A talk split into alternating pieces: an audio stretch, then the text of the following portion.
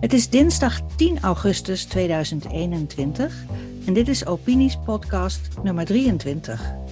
We praten vandaag over kleurrijke vlaggen en LGTB+, als ik het goed zeg, weggemoffelde rapporten en ook over de verwolking van de wereld. Te gast zijn twee kritische twitteraars, maar ze zijn natuurlijk nog veel meer dan dat. Uh, Marieke, welkom. Dankjewel. En uh, Mark, ook welkom natuurlijk. Fijn dat jullie er zijn. Dankjewel, hallo. Oké, eerst maar even een mini-rondje voorstellen, want niet iedereen kent jullie van radio en tv, denk ik. Dus misschien, Marieke, kunnen we bij jou beginnen? Uh, ja, ik ben Marieke, ik ben 43. Ik werk in het sociaal domein en ehm, ik ben lesbisch. Dat was hem. Oké, duidelijk. Ja, nou Mark, jouw beurt. Ja, ik ben Mark, ik ben 54 jaar, ik ben homo. Ik uh, verdeel mijn tijd tussen huisman zijn, uh, mantelzorger en uh, vrijwilliger. En ik heb een achtergrond in geestelijke gezondheidszorgwerk. Oké, okay. dankjewel. welkom allebei. De laatste tijd duikt die overal op. De regenboogvlag of regenboog plus. Ik weet niet precies meer welke kleuren er allemaal op staan in de ze zebra's in de stad en de Amsterdamse tram werd een paar weken geleden in de regenboogkleuren uh, geschilderd. En dat was om LGBT plus mensen een gevoel van inclusiviteit te geven. En op Twitter vroeg Kamerlid uh, Caroline van der Plas wat de LGBT mensen, ik krijg het gewoon niet uit mijn mond, wat ze er zelf eigenlijk van vonden. Uh, ik, ik heb op die tweet van Caroline gereageerd. Eh, ik vond het eh, heel goed dat ze eh, die vraag ook direct aan ons stelde. Want wij vinden daar vooral ook heel veel dingen van.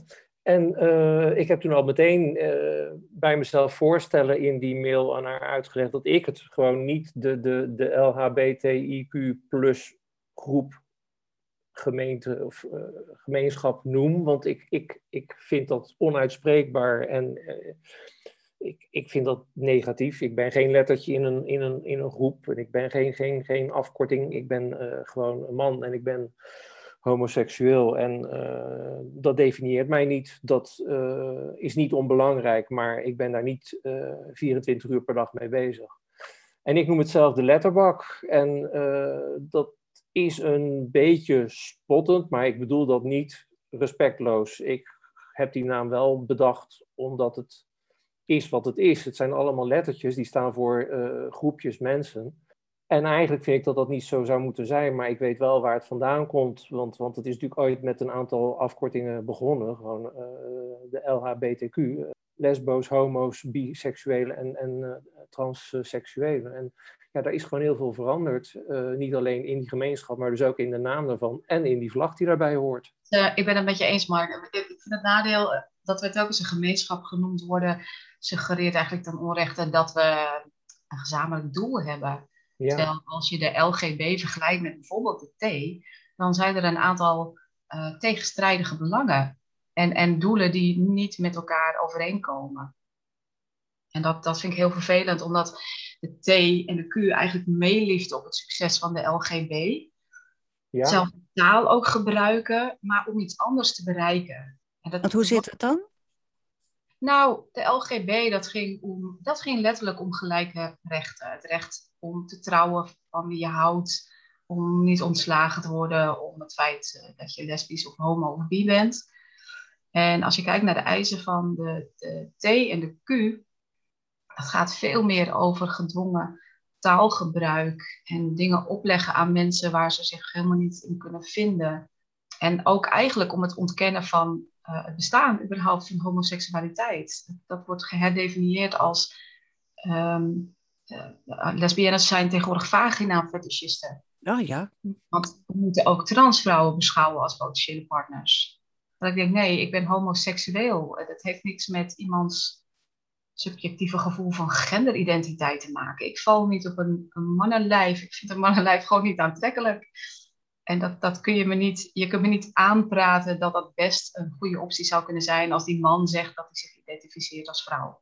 Zo werkt seksualiteit niet. Dus er zijn eigenlijk twee hele verschillende invalshoeken die helemaal niet te verenigen zijn. Ja, inderdaad. Er zit ook wel een deel overlap. De acceptatie van. Het zit wel, er zit wel acceptatie van mensen zoals ze zijn. Uh, maar wat de T wil, is ook nog extra speciale rechten. Zoals het recht om uh, gezien te worden als jij denkt dat je bent. Om gezien te worden als iets wat je, wat je gewoon objectief beoordeelbaar niet bent. En dat willen ze wettelijk vastgelegd hebben. Ik, mm -hmm. ik denk dat we daar heel verkeerd mee bezig zijn. Ja, en, en uh, daar wil ik even op inspringen, want Jorien, jij, jij, jij leidde deze podcast in door ook de, de woke erbij uh, te betrekken. En daar komt dit vandaan. Woke is, is eigenlijk een beetje een, een vaag woord. Iedereen gebruikt het ook tegenwoordig, maar woke staat dus voor, voor uh, die social justice activisten die op allerlei manieren overal in zitten nu. En dus specifiek waar we het nu over hebben, de, de, de trans- en de queer activisten. En daardoor is er gewoon heel veel veranderd. Er zijn allemaal letters bijgekomen voor allerlei uh, genderidentiteiten. En uh, daardoor is er zo'n verschuiving in wat nog doelen zijn, als er al doelen letterlijk gesteld worden ooit, die zo veranderd zijn ten opzichte van voorheen. Het, het gaat niet meer om gewoon gelijke rechten van, van homo's en lesbo's met hetero's qua, qua partnerschap, trouwen, et cetera. Nee, het gaat nu echt om wij zijn een groep en uh, wij moeten gezien worden. En uh, enerzijds zijn we het slachtoffer en anderzijds zijn we heel bijzonder. En, en dat is uh, een beetje wat gaande is in wat dus niet echt een gemeenschap is. Ja, leidt de homobeweging daar eigenlijk onder? Mhm. Ja. ja. De, de cotton sealing en de boxer sealing zijn twee mooie voorbeelden, denk ik. Um, de cotton sealing verwijst naar het ondergoed dat lesbiennes blijkbaar dragen. Dat doen onderzoeken. Ik ken dat woord helemaal niet. Dat, nee, nee ja, ik weet begonnen, niet. We begonnen bij Planned Parenthood in Amerika. Er is een, uh, een man die zich identificeert als lesbisch. En die geeft daar workshops. En die workshops heten Overcoming the Cotton Sealing. En dat is een workshop waar uh, mannen leren hoe ze lesbiennes het bed in kunnen krijgen. Och, helemaal. Mijn hemel. Ja, en in het begin dacht ik, nou, weet je, dat is Amerika, dat zal daar wel blijven. Maar ik hoor in Nederland ook steeds vaker dat uh, lesbisch niet uh, aantrekkingskracht tot hetzelfde geslacht is, maar hetzelfde gender. En ik, ik, ik, heb geen gender, ik heb geen genderidentiteit. Ik, ben een vrouw omdat ik van het vrouwelijk geslacht ben. Dat is niet een gevoel in mijn hoofd wat ik daar nog bij heb. Mm. Um, en um, het strookt ook niet met wat ze zeggen, dat je kunt eigenlijk niet zien wat iemands gender is van buiten. Dat moet je vragen. Waar is dan die aange... Hoe kan je dan aangetrokken voelen tot iemand die zich identificeert als vrouw, als je niet kunt zien aan de buitenkant of iemand zich identificeert als vrouw? En ja, jeetje. Het is haast niet meer te volgen, hè? Die, Nee. die, die theorie die eraan ten grondslag ligt. Ja, nou, en, en het gaat in Nederland inmiddels ook zo ver dat COC promoot mannen die zich identificeren als lesbisch op Lesbian Visibility Day. Uh, een paar weken geleden werd ik aangevallen door een psycholoog en een seksuoloog van de GGZ notabene. Mm. Die het mij kwalijk nemen dat ik zeg dat ik als lesbische vrouw transvrouwen gewoon bij volbaat niet als potentiële partners beschouw. En ik werd gequoteerd waarin die psycholoog iets zei als... Uh, oh, lesbische Marieke vindt transvrouwen geen echte vrouwen. Uh, met nog iets erachteraan dat het erop neer kan dat ik op moet hoepelen. Denk ik, als mensen die in dienst zijn van de GGZ, als seksuoloog, als psycholoog, zo openlijk dit soort dingen durven te zeggen, wat zegt dat over het gedachtegoed bij GGZ? Ja, en, of specifiek bij deze uh, uh, psycholoog. Ik, ik hoop, uh, terwijl ik dit hoor, dat het niet geldt voor, voor alle takken van de GGZ, want ik vind het schrikbarend. Maar het verbaast me ook weer niet, omdat dat queer- en transgender activistische gedachtegoed zo erg aan het doordringen is in alles. In, in de media, in de politiek, in bedrijven. Seksuele voorlichting op scholen. Ja, ja, precies. Nou, en het is, het, het, ze zijn heel dreigend. Uh, er zijn zo ontzettend veel bedreigingen gericht aan voornamelijk vrouwen overigens, die zich Ja. verzetten tegen uh, deze ideologie. Uh, die psycholoog, waar ik het net over had, die likte. Iemand reageerde bij mijn tweet met een, uh, een afbeelding van iemand die in de maag getrapt wordt door iemand ingekleurd in de transgenderkleurenvlag, zeg maar. En die psycholoog gaf dat een like. Vreselijk. Ja. Ik, Nou ja, dat, dat, gaat echt ontzettend ver. Ik heb trouwens twee keer de dag ingediend bij de GGZ. Ja. En uh, ze laten het liggen, ze doen er niets mee. Nee, nee. Want iemand tweet natuurlijk op eigen uh, naam en niet namens uh, een instelling, et cetera. Ja, nou het was meer een... ik werd van kastje naar de muur gestuurd. Ja. En uiteindelijk ja. opgegeven van, wat dacht ja, ja, wat moet je hier nog mee? Ja. Jorien, jij, jij, jij vroeg aan het begin naar die vlag. Is jou een beetje duidelijk waar die vlag voor staat en, en hoe die veranderd is? Nou, bij de, de regenboogvlag was voor mij altijd, uh, ja, wat was het? Uh, iets, iets van, iets van blije gelovigen of zo. Of ja, ja in ieder geval. en de laatste tijd zijn die kleuren, die staan voor van alles en nog wat, maar meer weet ik er ook niet van hoor. Nee, maar de, de, de gewone, ik noem dat voor het gemak de ge gewone regenboogvlag, die, die hoorde gewoon bij, bij ons, zeg maar. Sinds uh, de jaren zestig uh, was dat onderdeel van uh, Pride, als dat gevierd werd. En, en, en hing bij homo- en lesbo-kroegen. Het was gewoon de gewone regenboogvlag. Mm -hmm. En in de loop van, nou, wat zou ik zeggen, de afgelopen tien jaar... zijn, zijn er meerdere versies gekomen, omdat er elke keer gezegd werd van ja, maar we moeten speciaal nu benadrukken dat we ook uh, te maken hebben met LHBTI'ers van kleur. Dus toen kwam er een bruin streepje en een zwart streepje bij. En toen moest er speciale aandacht voor de transgenders. Dus toen kwam er roze bij en blauw en wit. En ik zag dus vorige week voor het eerst eentje waarbij ook de intersexe ver vertegenwoordigd moest zijn met een gele driehoek en een paarse cirkel daarin. En niemand snapt het nog die niet helemaal in die materie zit. Mensen vragen dan ook aan mij van oké, jij bent homo, uh, hoe zit dat met die vlag? En soms moet ik het zelf opzoeken. Dat ik denk van, wat hebben ze nu weer verzonnen en wat willen ze hier vooral ook mee? Nou, vooral en, dat hè, van, ja. van al die kleuren op de vlag. En het is niet alleen een vlag, het is tegenwoordig ook uh, uh, op de tram. Ja, en in logo's van, van, van bedrijven wordt het verwerkt. En, Zebrapaden. Ja, ja. Het, je komt het overal tegen nu. En het heeft bijzonder weinig met uh, wie dan ook zijn belangen te maken. Het heeft vooral te maken met, kijk, wereld, ik geef aandacht aan uh, uh, deze beweging en ik pik een graantje mee. Dat is wat ik denk als ik zie dat een Rabobank of een ABN of wat dan ook. Of, nou ja, ik reageerde vorige week boos op een tweet van het ministerie van Defensie. Die hadden opeens foto's van allemaal soldaten met de regenboogkleuren als schmink.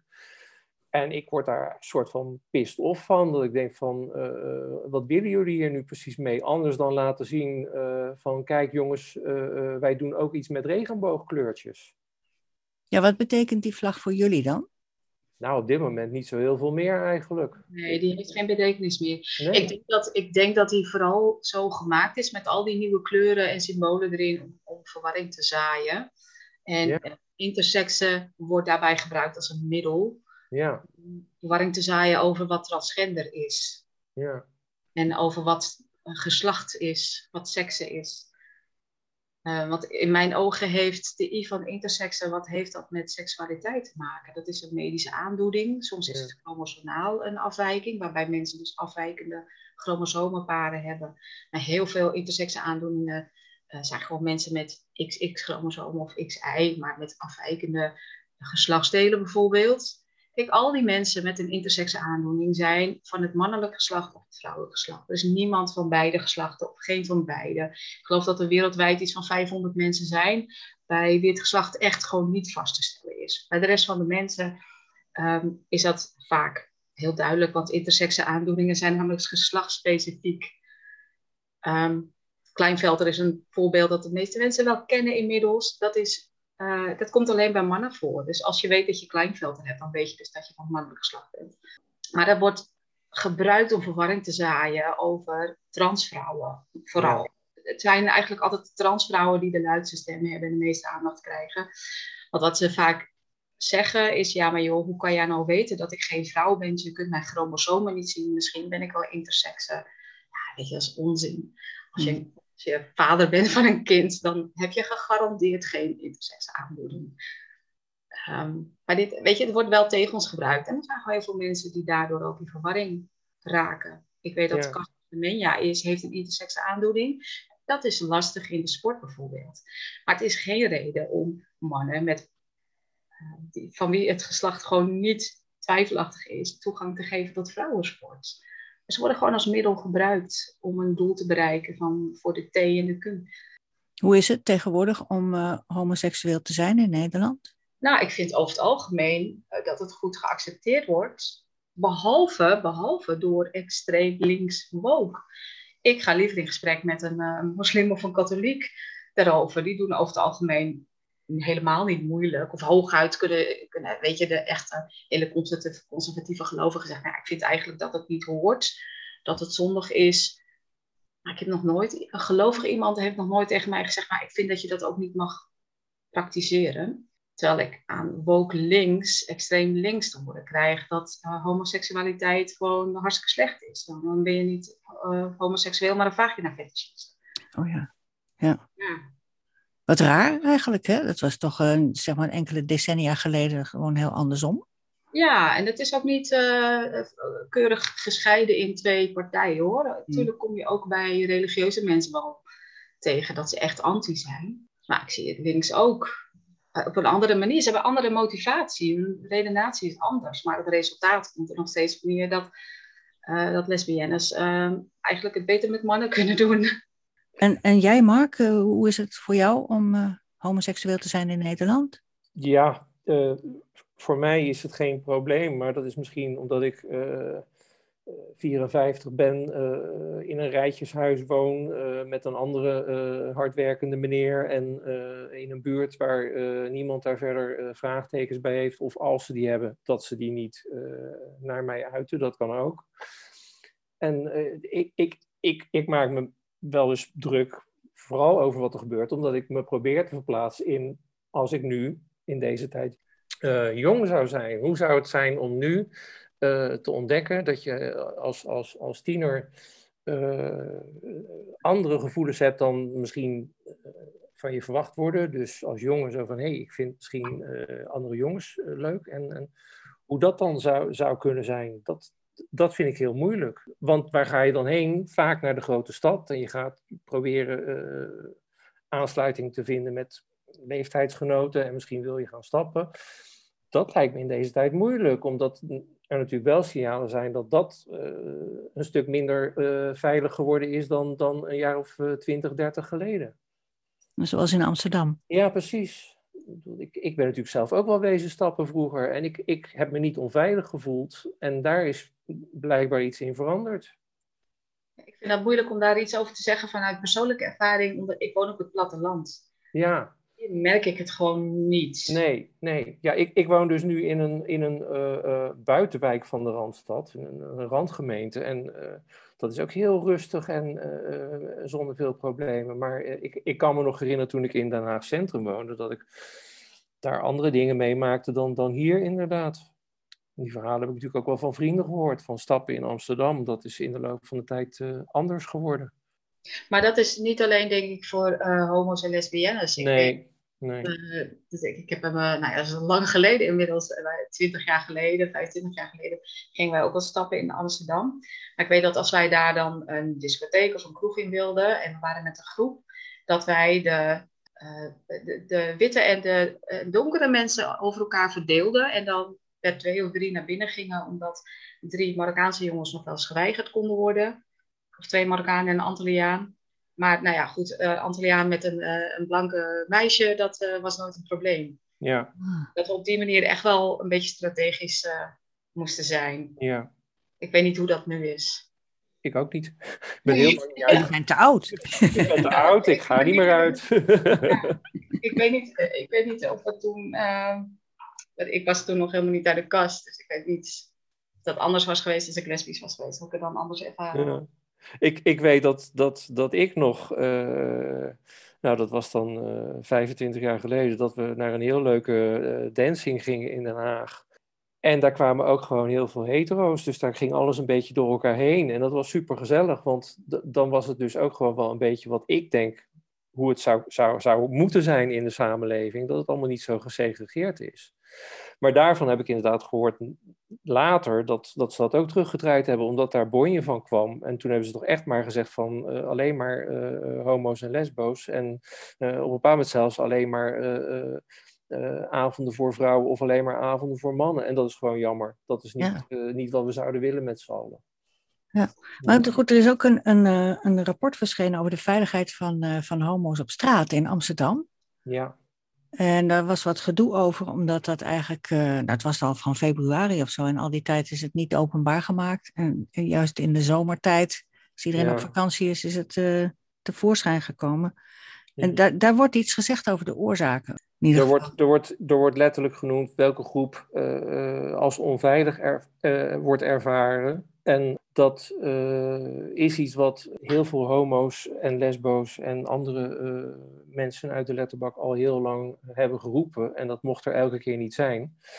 En nu staat het in een rapport en toen mocht het rapport rapport er niet zijn blijkbaar. Of in ieder geval uh, een maand of vier mocht het er niet zijn. En toen is het uh, toch maar naar buiten gebracht. En vervolgens uh, willen mensen er niet over praten terwijl het er ligt. En dat vind ik dat toch wel een beetje jammer. Ik denk van, je kunt dat ook doen zonder groepen mensen te stigmatiseren. Je kunt ook gewoon kijken van oké, er, er, is iets geconstateerd door homo's die zich onveilig voelen. Excuus Marieke dat ik voor het gemak even nu homo zeg. Je weet ja, wie, nee, wie, wie ik er allemaal mee bedoel. De, de, iedereen die uh, in die situatie uh, terechtkomt. Laat het er nou gewoon zijn en ga dan eens kijken wat je daarmee kan. Ik bedoel, uh, zo eenvoudig zou het moeten kunnen zijn. En dan vind ik het jammer dat, dat meneer Groot-Wassing, die, die zelf verantwoordelijk was voor het onderzoek, het laat heeft uitgebracht en het er niet over wil hebben. En dat andere mensen van andere partijen het ook nog niet over willen hebben. Want dan verandert er niets. Dan had dat rapport niet opgesteld hoeven worden, denk ik. Nou, het gaat over onveiligheid uh, op straat en ja, in, in Amsterdam. Vervoer. Ja, ja. Dus die, die tram met die kleur, ja. dat zou je politiek als maatregel kunnen zien van we willen dat mensen zich veilig voelen in het openbaar vervoer. Of maar ik denk, wat, wat je wilt is niet dat we ons veilig voelen, maar dat we veilig zijn. Ja, en precies. Niet dat iemand die anti-homo of anti-lesbisch is, overtuigd wordt door een truin, truin uh, in de regenkleuren. of als hij verplicht over een regenboog zebrapad moet lopen. Ik denk dat je het probleem verergert daarmee. Ja, dat denk ik ook. Daar zie je ook nog erger woede op. Ja. Dus ik... dat, dat ben ik met Marieke eens. Dat, dat heb ik ook in die, uh, die mail aan, uh, aan Caroline geschreven. Van, dat soort vlaggen, dat, dat is dan echt vlagvertoon, maar het is holvlagvertoon. Het is, het is doen alsof je iets doet, maar je doet helemaal niets behalve met een vlag zwaaien. Het, het, en en het, tegen, het, het, tegendeel kan waar zijn, dat mensen denken van, oh, uh, verdomd, alweer die vlag, weer een tram met, met een regenboog en weer een zebrapad. Vertaal dat eens een keer naar gewoon uh, een analyse van een probleem. Want als je op tafel hebt liggen wat, wat een probleem echt is, dan zou je dus ook hm. echt haalbare doelen kunnen stellen. En Wat zou die analyse kunnen zijn, Mark? Nou, als in zo'n rapport staat van oké, okay, uh, uh, uh, homo's en de rest worden in Amsterdam lastiggevallen door groepjes jonge Marokkanen, want dat staat dus letterlijk in dat rapport. Mm -hmm. Nou, ga het daar dan eens over hebben van waarom doen die jonge Marokkanen dat? Maar op een of andere manier blijft dat iets waar mensen hun vingers niet aan willen branden. Het is ook een hele lastige natuurlijk dat om het. zo'n herkenbare groep aan te wijzen. Ja, dat is hartstikke lastig. En, als, je ja, wil, wat, ja, als je wil dat er iets verandert, als je het wilt, ja. dan moet je wel weten tegen wie je het hebt. Precies, precies. En dan, en is het ook niet zinvol om te zeggen van ja, maar uh, de, de uh, jongeren in christelijke gemeenten in de Bijbel belt, die uh, denken er net zo over. Want dat is misschien wel zo. Maar dat zijn niet degenen die voor die onveiligheid in Amsterdam zorgen. Nee, precies. Het was ook, denk ik, uh, ik las iets van een man uit uh, het vissersplaatsje Urk. Ja. Uh, wat heel christelijk is, die zei, ja, ik, in, ook in Urk vinden ze het eigenlijk zondig, want ja. dat. Maar ja. tegelijkertijd, in het dagelijks leven, behandelen ze me gewoon. Ik word gewoon geaccepteerd. Juist. En ik, ik denk dat dat um, al een hele mooie situatie is. Weet Ja. je, ik krijg gewoon niet iedereen zover dat ze uh, het accepteren of het gewoon vinden. Nee, Ja. dat is ook geen haalbaar doel. Je kunt niet van, Ja. van, als doel stellen, de hele wereld gaat mij gewoon vinden en et cetera. Dat is niet haalbaar. Je kunt wel jezelf als doel stellen van, hé, hey, we gaan op zo'n manier met elkaar om, dat we uh, elkaar niet op straat uh, uitschelden of uh, bespugen of, en dat we van elkaar afblijven. Dat zijn gewoon haalbare doelen. Precies. Het is net als een onderwerp als abortus. ik vind het prima als mensen anti-abortus zijn, zolang ja. ze maar niet vrouwen het recht ontzeggen op die abortus. Juist. En dan vind ik, ga, heb ik geen zin om tijd en energie te besteden aan het overtuigen van die mensen dat ze pro-abortus moeten zijn. Juist. Ja. Je gaat ze overtuigen dat ze de lichamelijke integriteit en autonomie van vrouwen moeten respecteren. Ja. Ja. ja. ja. Dus het gaat echt om eh, de, de vrije keuze voor iedereen om te zijn wie die is. Ja, en, en, en daarbij dus inderdaad, ik, ik spreek voor mezelf. Uh, ik heb natuurlijk uh, een, in mijn coming out in, in een christelijk dorp, in een christelijke familie wel meegemaakt dat mensen daar wat van vinden. Ik kan dat heel goed hebben. Ik heb uh, ook genoeg wat ik van andere mensen raar vind of wat dan ook. mensen mogen mij raar vinden. Dat bedoel ik ermee. Als ze op een normale manier met mij omgaan, dan mogen ze daar van alles van vinden. Ja. En je zei net van het is een haalbaar doel of geen haalbaar doel om gewoon als normaal mens behandeld te worden? Of, wat zou er moeten gebeuren om daar te komen?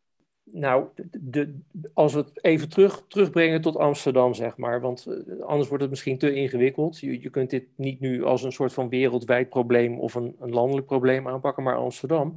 er is heel vaak gevraagd om een stukje handhaving. En dat werd elke keer van tafel geschoven omdat daar dan de mankracht niet voor was, of omdat het niet nodig was, of omdat het uh, etnisch profileren zou zijn, of omdat het, uh, noem maar op. Mm. Denk van, nou, daar, daar zit dus een stukje van, ik denk van, nou, gemiste kans. Niet, niet dat per se alles op te lossen is met, met, met handhaving, zeker niet. Ik bedoel, als je, als je gaat kijken naar uh, een heel andere culturele groep, met mogelijk nog religieuze achtergrond daarin ook, dat, ideeën over homoseksualiteit ga je niet zomaar veranderen. Niet door uh, een korte ingreep te doen, maar dat is dan weer een ander verhaal. Maar veiligheid op straat kun je vertalen naar praktische zaken. denk ik. Een bruikbaar begrip. Daar ja. mee. Ja. ja. En ook denk ik wel aandacht blijven, uh, daarvoor blijven hebben op scholen. Absoluut. En, ja, in mijn ogen zou het religieus onderwijs, uh, moet ik opvallen, alles gewoon openbaar. Ja. Uh, dan heb je ook iets meer in de hand uh, dat kinderen ideeën te horen krijgen die niet stroken met thuis. En, um, ja, of, ja. of ja, dat is natuurlijk weer. De, ik, ik zie dan meteen alweer de, de beren op de weg, want niemand wil dat, dat, dat je aan hun uh, speciale onderwijs komt.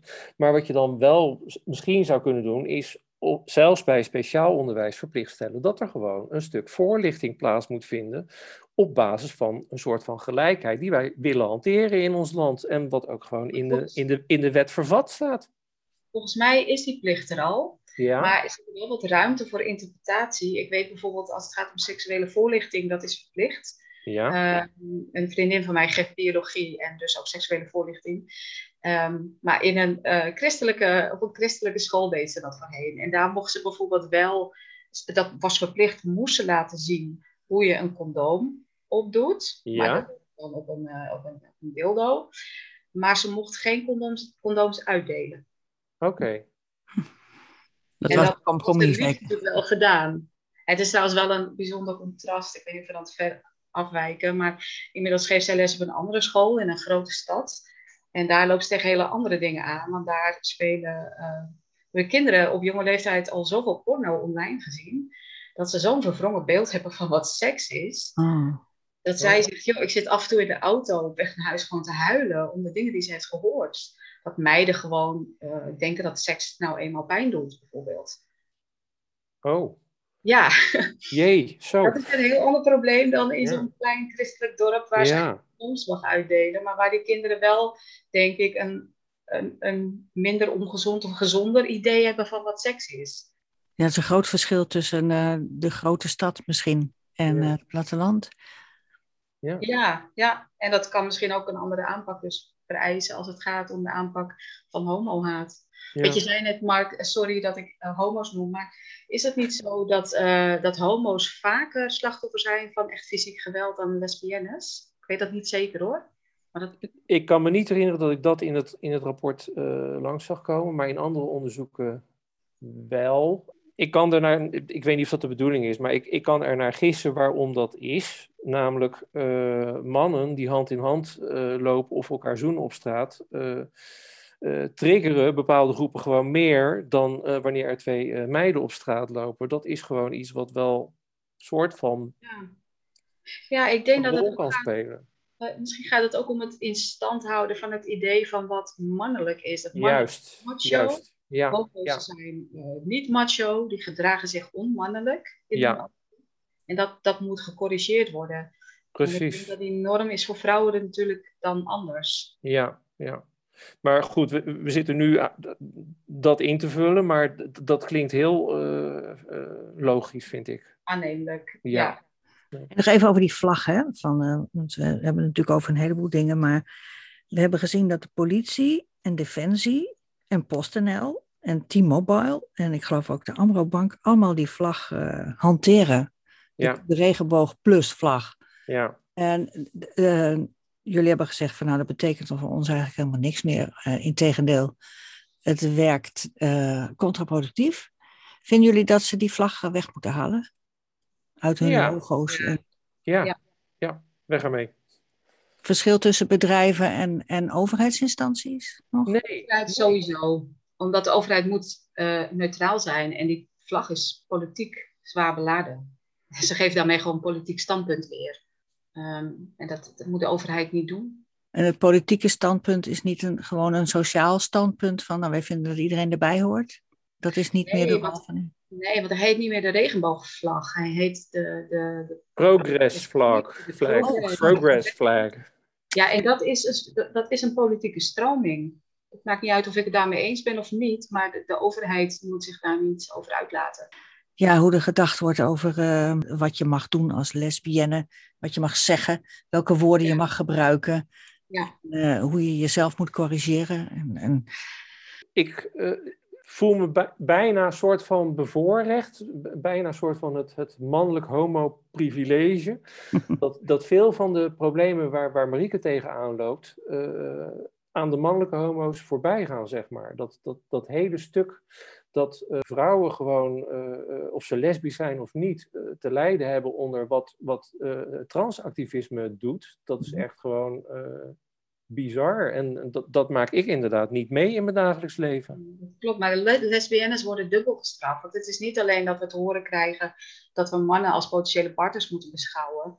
Maar de, de gemiddelde transman, bijna alle transmannen, zijn lesbische meiden. Zijn lesbisch. Ja. En nu is het een vlucht. Het is een vlucht uit een lichaam waar ze zich niet fijn in voelen. Vrouwen worden natuurlijk nog steeds behoorlijk geseksualiseerd van jongs af aan. Maar als je kijkt naar de transvrouwen in de westerse wereld. Ik heb het niet over bijvoorbeeld landen als de Filipijnen of Thailand. Maar in de westerse wereld, in Europa, Amerika, zijn het voornamelijk heteroseksuele mannen die zich transvrouw noemen. En die willen seks met, weet je, seks met een lesbienne is voor hun validatie. Uh, dus op twee manieren worden gestraft. Jonge, jonge lesbiennes worden getransitioneerd, daar maken ze schijnbaar homoseksuele mannen van.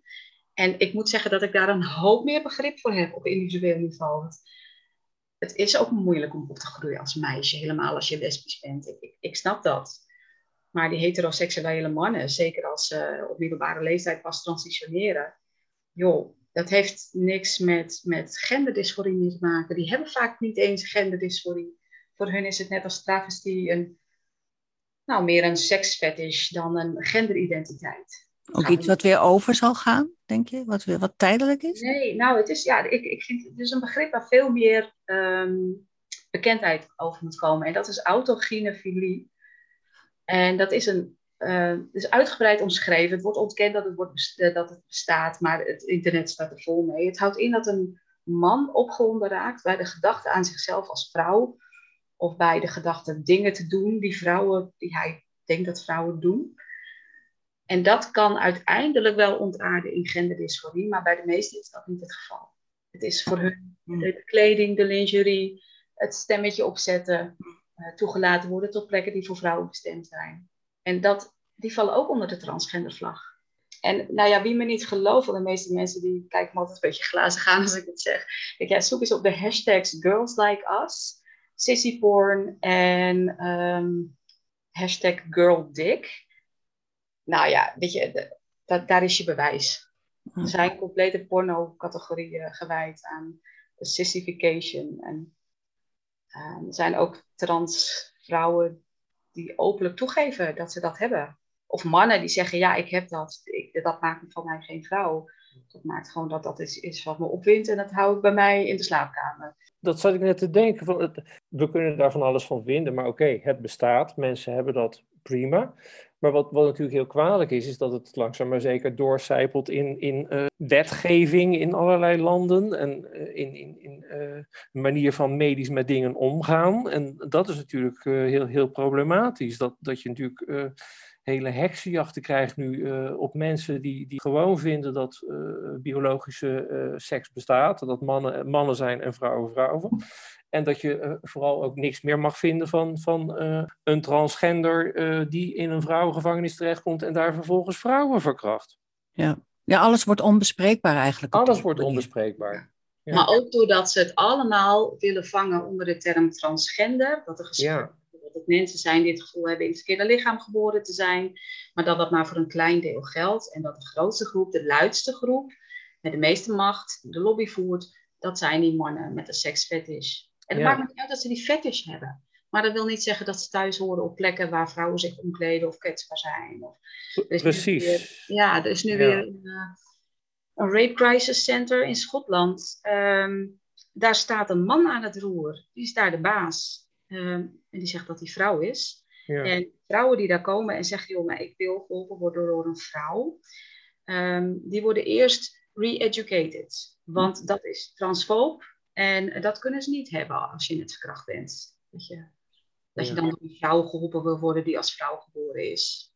Verschrikkelijk. En in Canada is iets vergelijkbaars aan de hand. Ja, ja, ja. ja.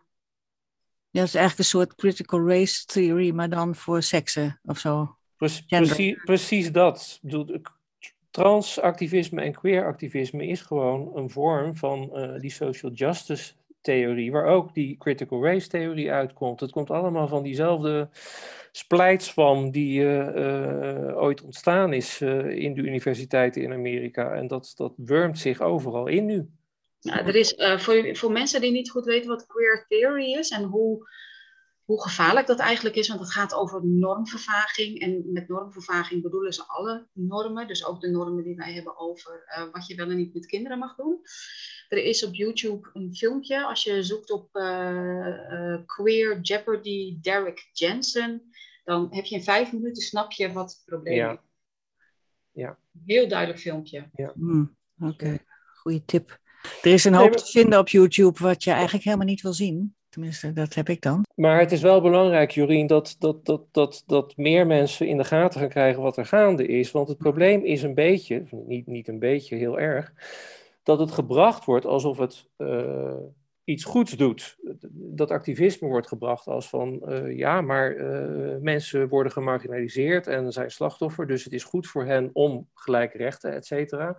En, en, dat is, en dat is een heel mooi sausje wat er overheen gegooid wordt, maar dat is natuurlijk niet wat, wat echt het, het doel van dat activisme is. Ik, ik heb er best wel veel boeken over gelezen en ik zat vandaag nog op Twitter te schrijven, want die boeken zijn gewoon ingewikkeld. Kan daar een keer een Nederlandse vertaling voor komen? En kunnen meer mensen zich uh, een beetje inlezen op, op, op wat hier nu gaande is in onze wereld? Want het, het is niet best. En wat, wat, wat moeten we doen? Wat, wat gaan jullie zelf doen om te zorgen dat het niet te gek wordt? Uh, nou, ik, ik bijvoorbeeld vandaag meedoen aan een podcast. En ja, uh, ik, heb, ik, heb, ik heb een mail geschreven aan, uh, aan Caroline. En daar ga ik nog een, een gesprekje over krijgen met haar. Mm -hmm. En elke gelegenheid die je krijgt, of het nou met vrienden is of familie, dat het onderwerp ter sprake komt. ik zal nooit schromen om mijn visie daarop dan maar te geven. En te zeggen van, zie je niet dat dit lijkt op wat er gebeurt met Zwarte Piet is racisme en, en, en andere vormen van, van uh, heftig activisme. Duidelijk. En Marieke? Ja, de laatste tijd niet zo heel erg actief, maar ik ben onderdeel van Stichting Voorzij. Uh, en wij zijn onder andere bezig met protesteren tegen de wet op zelfidentificatie van geslacht. Mm -hmm. Daarmee vervallen, valt de, elke drempel die er nu nog is, dat is al niet veel. Je hebt een briefje van de dokter nodig. Dat is voldoende om je wettelijk geslacht aan te laten passen op het gemeentehuis die willen ze ook laten vervallen. Kan, daarmee kan elke man zonder VOG, zonder enige vorm van medische transitie zonder, zonder genderdysforie zelf zichzelf wettelijk vrouw laten verklaren toegang krijgen tot alle plekken die voor vrouwen bestemd zijn vanwege onze veiligheid en privacy onder andere. Uh, dus daar zijn we heel hard mee bezig. Ook organisaties aanschrijven. op Twitter ben ik redelijk actief. Mm um, en inderdaad, net als Mark, uh, in, in mijn eigen netwerk. Um, wel heel gedoseerd. Want als je te veel in ene vertelt, dan schrikken mensen en dan geloven ze het niet. Omdat ja. het zo bizar is, dat hebben ze eigenlijk best knap gedaan. Dus verzinnen wat gewoon niemand gelooft dat ze dat echt willen. Um, ja, en op die manier uh, hopen dat ze uiteindelijk toch nog tot inzicht komen. De prioriteit op dit moment zou moeten zijn voorkomen dat die wet op zelfidentificatie er doorheen komt. Uh, en op de website van voorzij.nl kun je een petitie tegen, tekenen.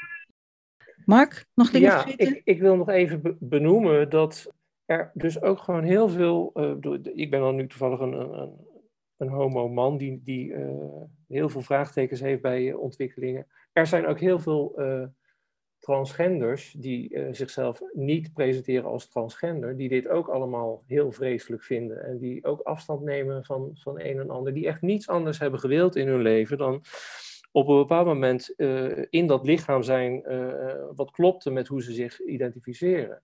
En die willen daarna gewoon in de meeste gevallen vrouw zijn en die willen helemaal geen transvrouw zijn, die willen helemaal niet vergeleken worden met, met allerlei naar voren geschoven rolmodellen wat dat betreft. En misschien is mijn tip aan, aan, aan hen ook. Van, zeg het ook. Zorg dat, dat je gehoord wordt, net zoals ik ook mijn mond open trek over, over dit onderwerp. En misschien moeten wat meer mensen inderdaad zeggen van, hé hey jongens, eh, jullie met je, je, je letterbak en je vlag, dit gaat niet over mij. En stop daarmee, want het kwetst me en het doet kwaad in plaats van goed. Nou, dat is inderdaad een hele goede opmerking. Want er zijn mensen die gewoon echt genderdysforie hebben, waarvan is vastgesteld dat een transitie echt de enige oplossing is om dat gevoel te verlichten.